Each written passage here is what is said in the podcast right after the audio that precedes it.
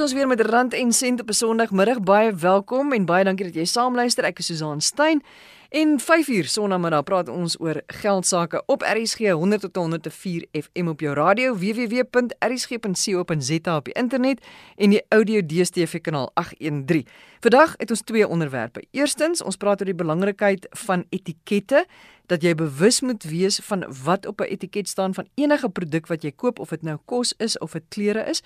En dan het ons vir jou 'n paar wenke oor motorversekering. Dis moeilike tye.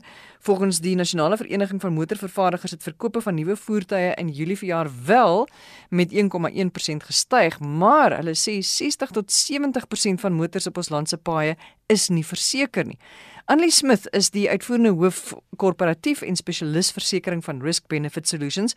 Anlie, dis is ontstellende nuus want nie net kan jy as jy jou motor afskryf en hy is nie verseker nie, dan het jy niks oor nie, dan moet jy iewers weer geld vandaan kry om 'n nuwe motor te koop, maar dit is nog erger vir jou as jy in iemand anders se motor vasry, 'n duur motor en jy moet daai ou se skuld nog ook betaal. Definitief. Ongelukkig as gevolg van die huidige finansiële omstandighede binne ons land as ook die mense se persoonlike finansiële probleme is versekerings die eerste ding wat gekanselleer word.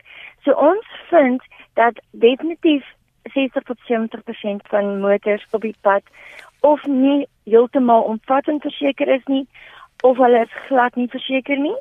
As daai voertuie derde party versekerings uitgeneem het, beteken dit dan dat daar wel 'n uitbetaling sal wees as jy nou in 'n baie duur voertuig vasry. Maar ons grootste bekommernis is oor die aantal voertuie wat glad nie versekerings het nie. En dit is nie net 'n probleem vir die persoon wat die voertuig besit nie, maar is ook 'n probleem vir die bank of instansie wat daai voertuig gefinansier het. Annie nou wat doen 'n mens net gou-gou weer gee asseblief maar net vir ons weer wenke uh, wat mense kan help om om hulle motors te verseker.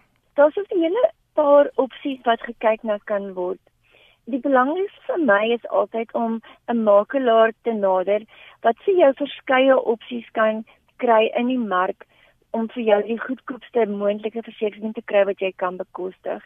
Die makelaar het baie opsies wat hy op die tafel kan sit in terme van besigheidsgebruik teenoor persoonlike gebruik teenoor semi-besigheid teenoor net derde party en so meer waar indien jy 'n versekeraar direk skakel kry jy net een opsie by daai versekeraar. So vir my is dit altyd belangrik om weier te kyk as net om 'n versekeraar te skakel. Buiten dit is dit natuurlik ook belangrik om te kyk na die tipe van voertuig wat jy het. As jy natuurlik 'n Porsche besit, is dit belangrik om seker te maak dat daai Porsche in die regte waarde verseker is. So wat ek daarmee probeer sê is 'n nuwe Porsche teenoor 'n ou Porsche van 1960 is ook twee verskillende voertuie. So dit dit daar moet gekyk word na die tipe voertuig wat jy ry en hoe jy hom moet verseker. Daarby saam is dit natuurlik moontlik dat jy kan rondskuif in terme van jou versekerings. Jy hoef nie noodsaaklik by die voertuighandelaar waar jy die voertuig gekoop het, die versekerings uit te neem nie. Daar is wel baie handelaars wat by verskeie versekeringsmaatskappye probeer het om sekere versekeringsprodukte goed te keur sodat hulle vir die mense wat voertuie by hulle koop nuut of oud dadelik versekerings kan verskaf. So hulle het ook opsies daarso om na te kyk, maar dis nie die enigste opsie om na te kyk nie. So as jy huidige versekerings het in terme van jou huis of jou huidige voertuig, is dit natuurlik die maklikste om net na daai makelaar of versekeraar te gaan om te sê, "Gee vir my kwotasie op my voertuig." Maar soos ek sê, jy hoef nie net saaklik by die handelaar dit uit te neem nie. En dan die belangrikste natuurlik gaan wees om bevestiging te kry van die versekerings dat wie ewer dit jy dit uitneem sodat jy die voertuig kan kry want die handelaar gaan dit nie vir jou gee sonder versekerings nie. Die probleem by die handelaars en die finansierders ehm um, het op die oomblik is dat 'n maand later word daai polis gekanselleer dit is dan wanneer die finansieringsmaatskappy met 'n groot risiko sit. Want hulle vra ongelukkig nou nie vir jou elke maand bewys vir my jy het nog steeds jou versekerings in plek nie. Hulle vra eenmal 'n jaar dat jy dit moet bevestig. Ja. En daar is waar die probleem inkom. So nou ry jy met jou Polo in 'n Ferrari in vas en jy ry die persoon dood en jy's nog dalk onder die invloed van drank wat ewe skielik beteken jy is jy het geen versekerings in plek nie. So die mense moet natuurlik dan verstaan dat die finansieringsmaatskappy gaan vir jou vra om daai voertuig te vervang. As sowel ook die derde party gaan vir, van jou verwag om die voertuig te vervang en in die geval van 'n groot probleem soos 'n dood of so wat die pad ongelukfonds nie 100% gaan betaal nie want hulle het ook hulle uh, limite wat hulle in plek het. So daai persoon wat daai ongeluk veroorsaak het, gaan ongelukkig 'n finansiële uh, probleem hê om alles gedek te kry. Andy, as jy dink aan jonger mense, want want want baie jonger mense sê dat hulle moet vreeslik baie betaal vir versekerings. Hoe kan wat kan hulle doen om 'n bietjie te spaar op versekerings? Die enigste opsie wat regtig vir daai jong mense is is om te probeer om huis in 'n versekering by te bring. Hoe meer goeder jy op jou polis het, weet hoe goedkoper word jou motorversekering. Ongelukkig is die bewyse in die mark dat jong mense en mense met diervoertuie die meeste ongelukke veroorsaak. En as gevolg van dit gaan die premies op en jou bybetaling gaan op. So ons het byvoorbeeld gevind dat waar in die verlede, ek praat nou van 20 jaar terug, diente van tot en met 25 ry baie rof op die op die op die pad is daai 25 nou opgeskuif na 30 toe omdat die mense teen 30 nog steeds nie geleer het om net bietjie stadiger en versigtiger te ry nie. En dit sê natuurlik ook vir jou in terme van die aantal ongelukke wat ons het op, in in ons land deur die jare en hoeveel mense doodgaan tydens daai ongelukke. So die hoe korter jy jou tydperk is wat jy jou lisensie het en hoe jonger jy is, hoe meer gaan jou premie wees en ongelukkig is daar baie min wat jy daaromtrent kan doen. Die belangrike punt wat jy wat mense wel moet onthou is dit help nou nie vir daai jong mense om te gaan sê o wel, ek gaan nou nie versekerings uitneem nie. Hulle moet in ag neem dat wat gaan gebeur as ek in 'n Ferrari vasry al gaan koop hulle dan net derde party versekerings sodat hulle kan gedek wees in terme van van 'n derde party um, ongeluk en dan natuurlik as jou voertuig gesteel word. Ek dink dit is die ander groot probleem in Suid-Afrika is die diefstal hmm. van voertuie. En vir al die kleiner of die klein kleiner voertuie soos jou jou klein Volkswagen Polo, City Golfies en daai tipe van voertuie. En daai polis is die branddiefstal en derde party polis, nê? Nee? Ja, maar weer eens sal ek vir vir die mense sê, gaan gaan kyk hoe rond by verskillende maatskappye en dit is waar 'n makelaar weer eens vir jou verskillende opsies gaan gee wat jou baie gaan help. Maar daarmee saam kan jy ook gaan rondkyk oor kan ek nie my bybetaling dalk verhoog van R5000 na R10000 toe om te kyk gaan dit my premie afbring nie. Jy hoef nie net jou blind te staar teen die eerste opsie wat op die tafel kom nie. Jy weet daar is mense wat tot en met R20000 as hulle bybetalings um, vat sodat hulle premie per maand so laag as moontlik kan hou. So die belangrike ding is jy moet versekerings hê. Jy kan probeer om dit so goedkoop as moontlik te hou deur te gaan vir branddiefstal en derde party. Jy kan kies om 'n groter bybetaling te maak indien jy in 'n ongeluk sou wees of indien jy moet eis want dan spaar jy op jou premie. En is daar nog 'n laaste iets wat jy kan byvoeg, 'n laaste wenk? Die die ander uh, belangrike punt wat ek graag net wou opgebring het is om jou persoonlike besonderhede op jou polis altyd op datum te hou.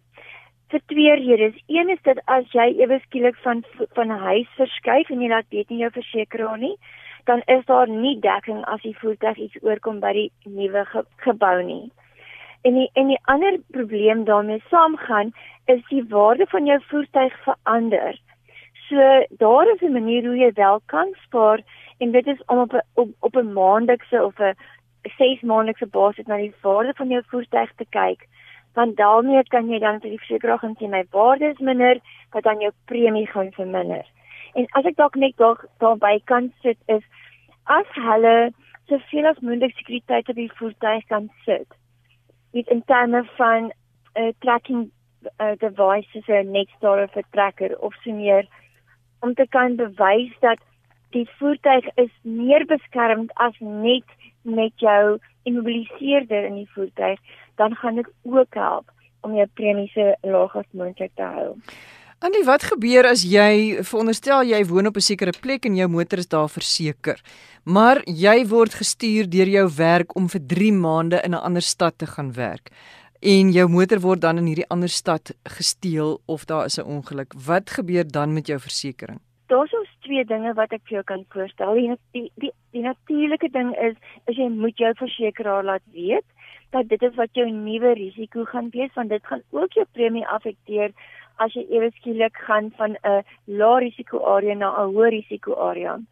En as jy dit nie laat weet nie, gaan die versekeraar nie die eis uitbetaal nie omdat dit hulle nie die regte premie vir daai tydperk gekry het nie.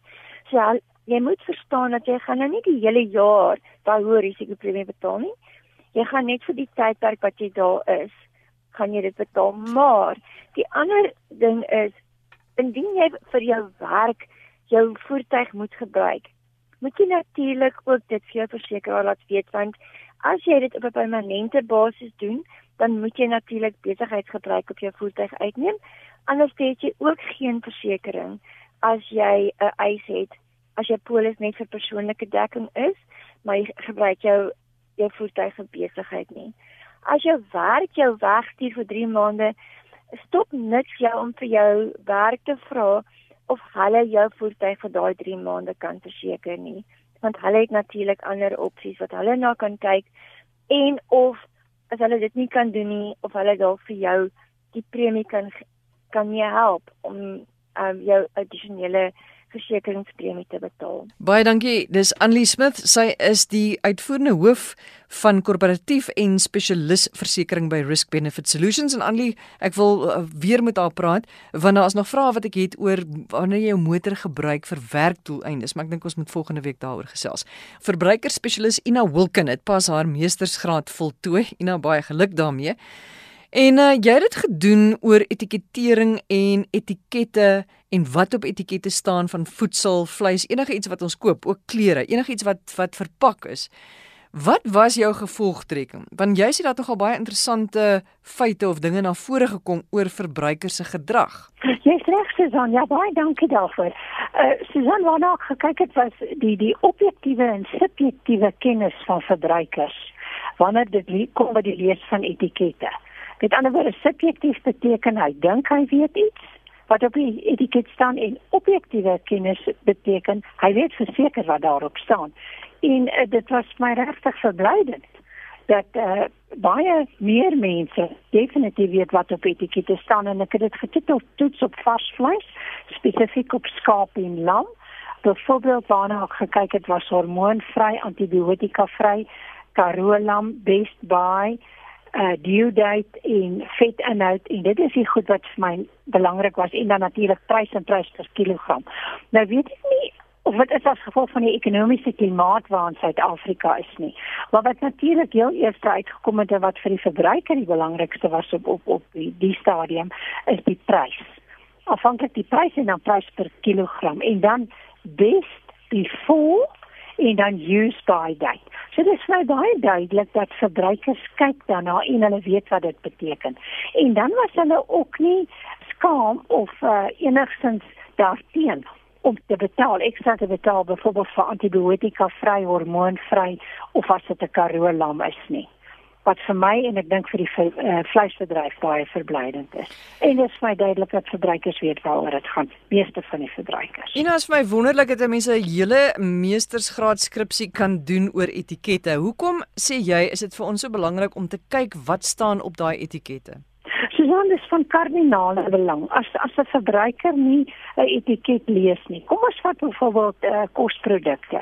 In die eerste plek maak dit hom vir baie makliker vir die verbruiker om te vergelyk die voedingswaarde, prys en gesondheidswaarde van verskillende produkte. Dieselfde produk maar verskillende voedingswaarde. Dit kan hulle ook telwys maak omdat die hoeveelheid vet, suiker en cholesterol van jou dieet kyk. En en ek meen in die laaste paar jaar word daar so gepraat dat ons reg moet eet. En dan kan jy die verkeerde goed mos uitsny uit jou dieet uit.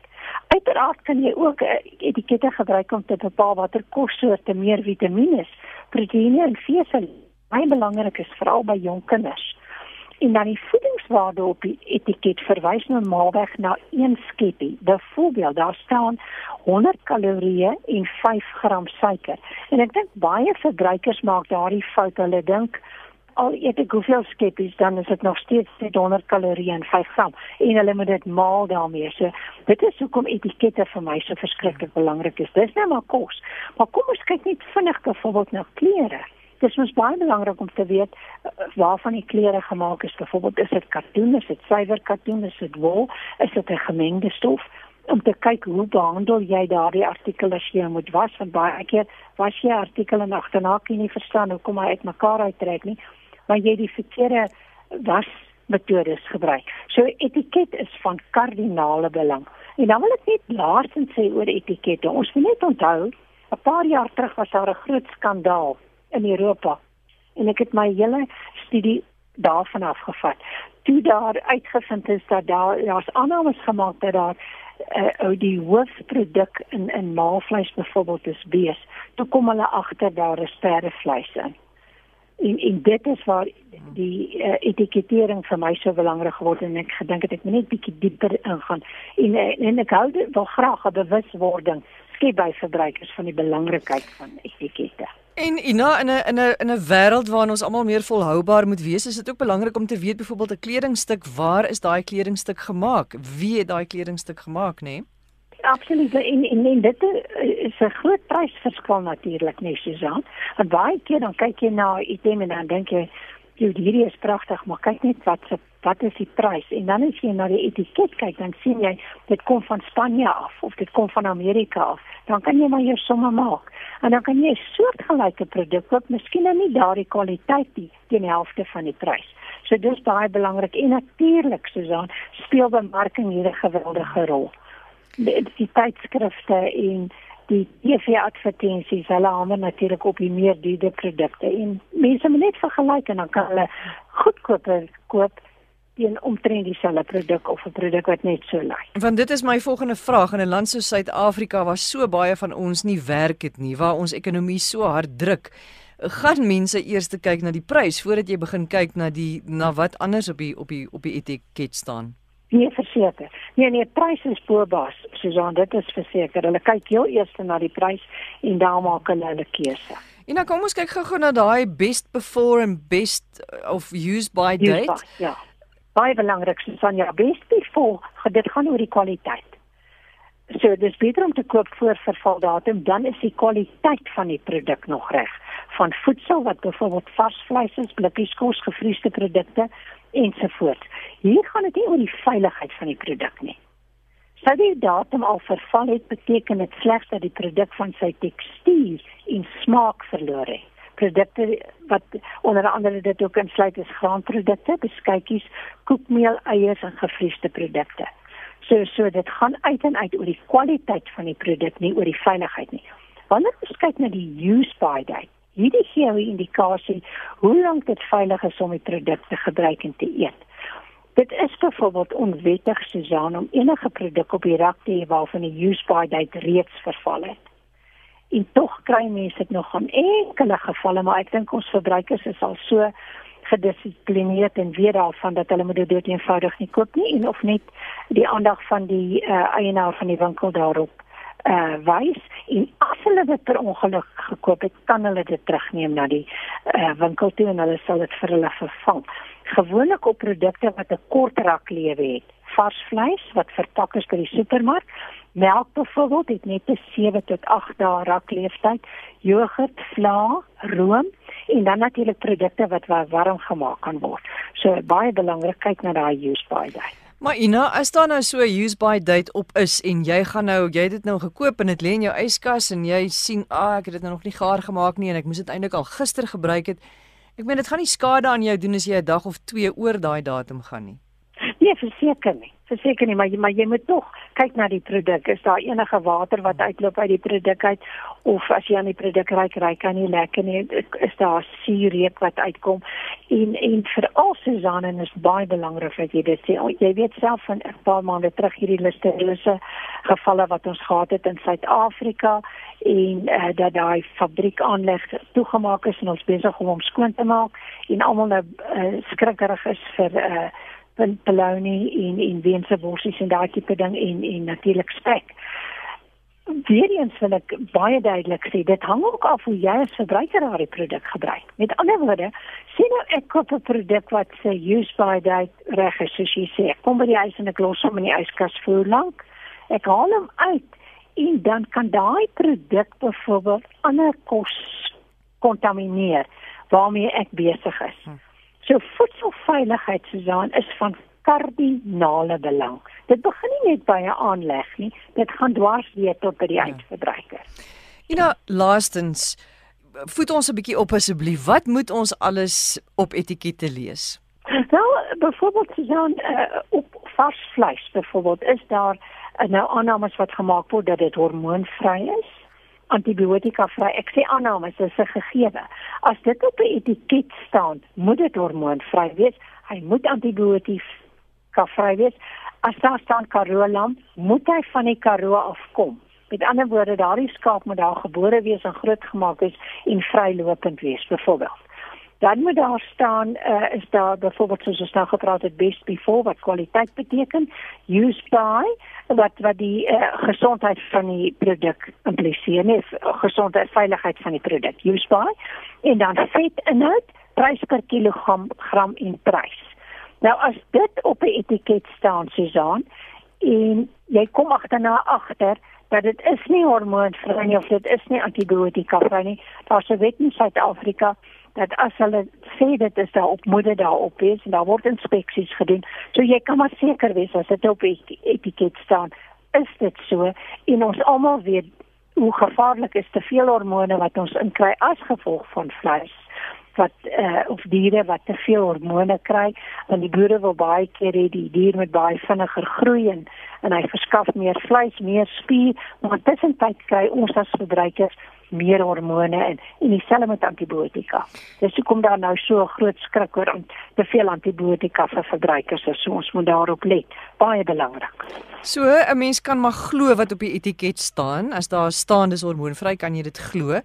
En as jy 'n etiket sien waarop dit nie staan nie, dit jy weet daar staan net niks nie, dan weet jy daar is wel hormone in.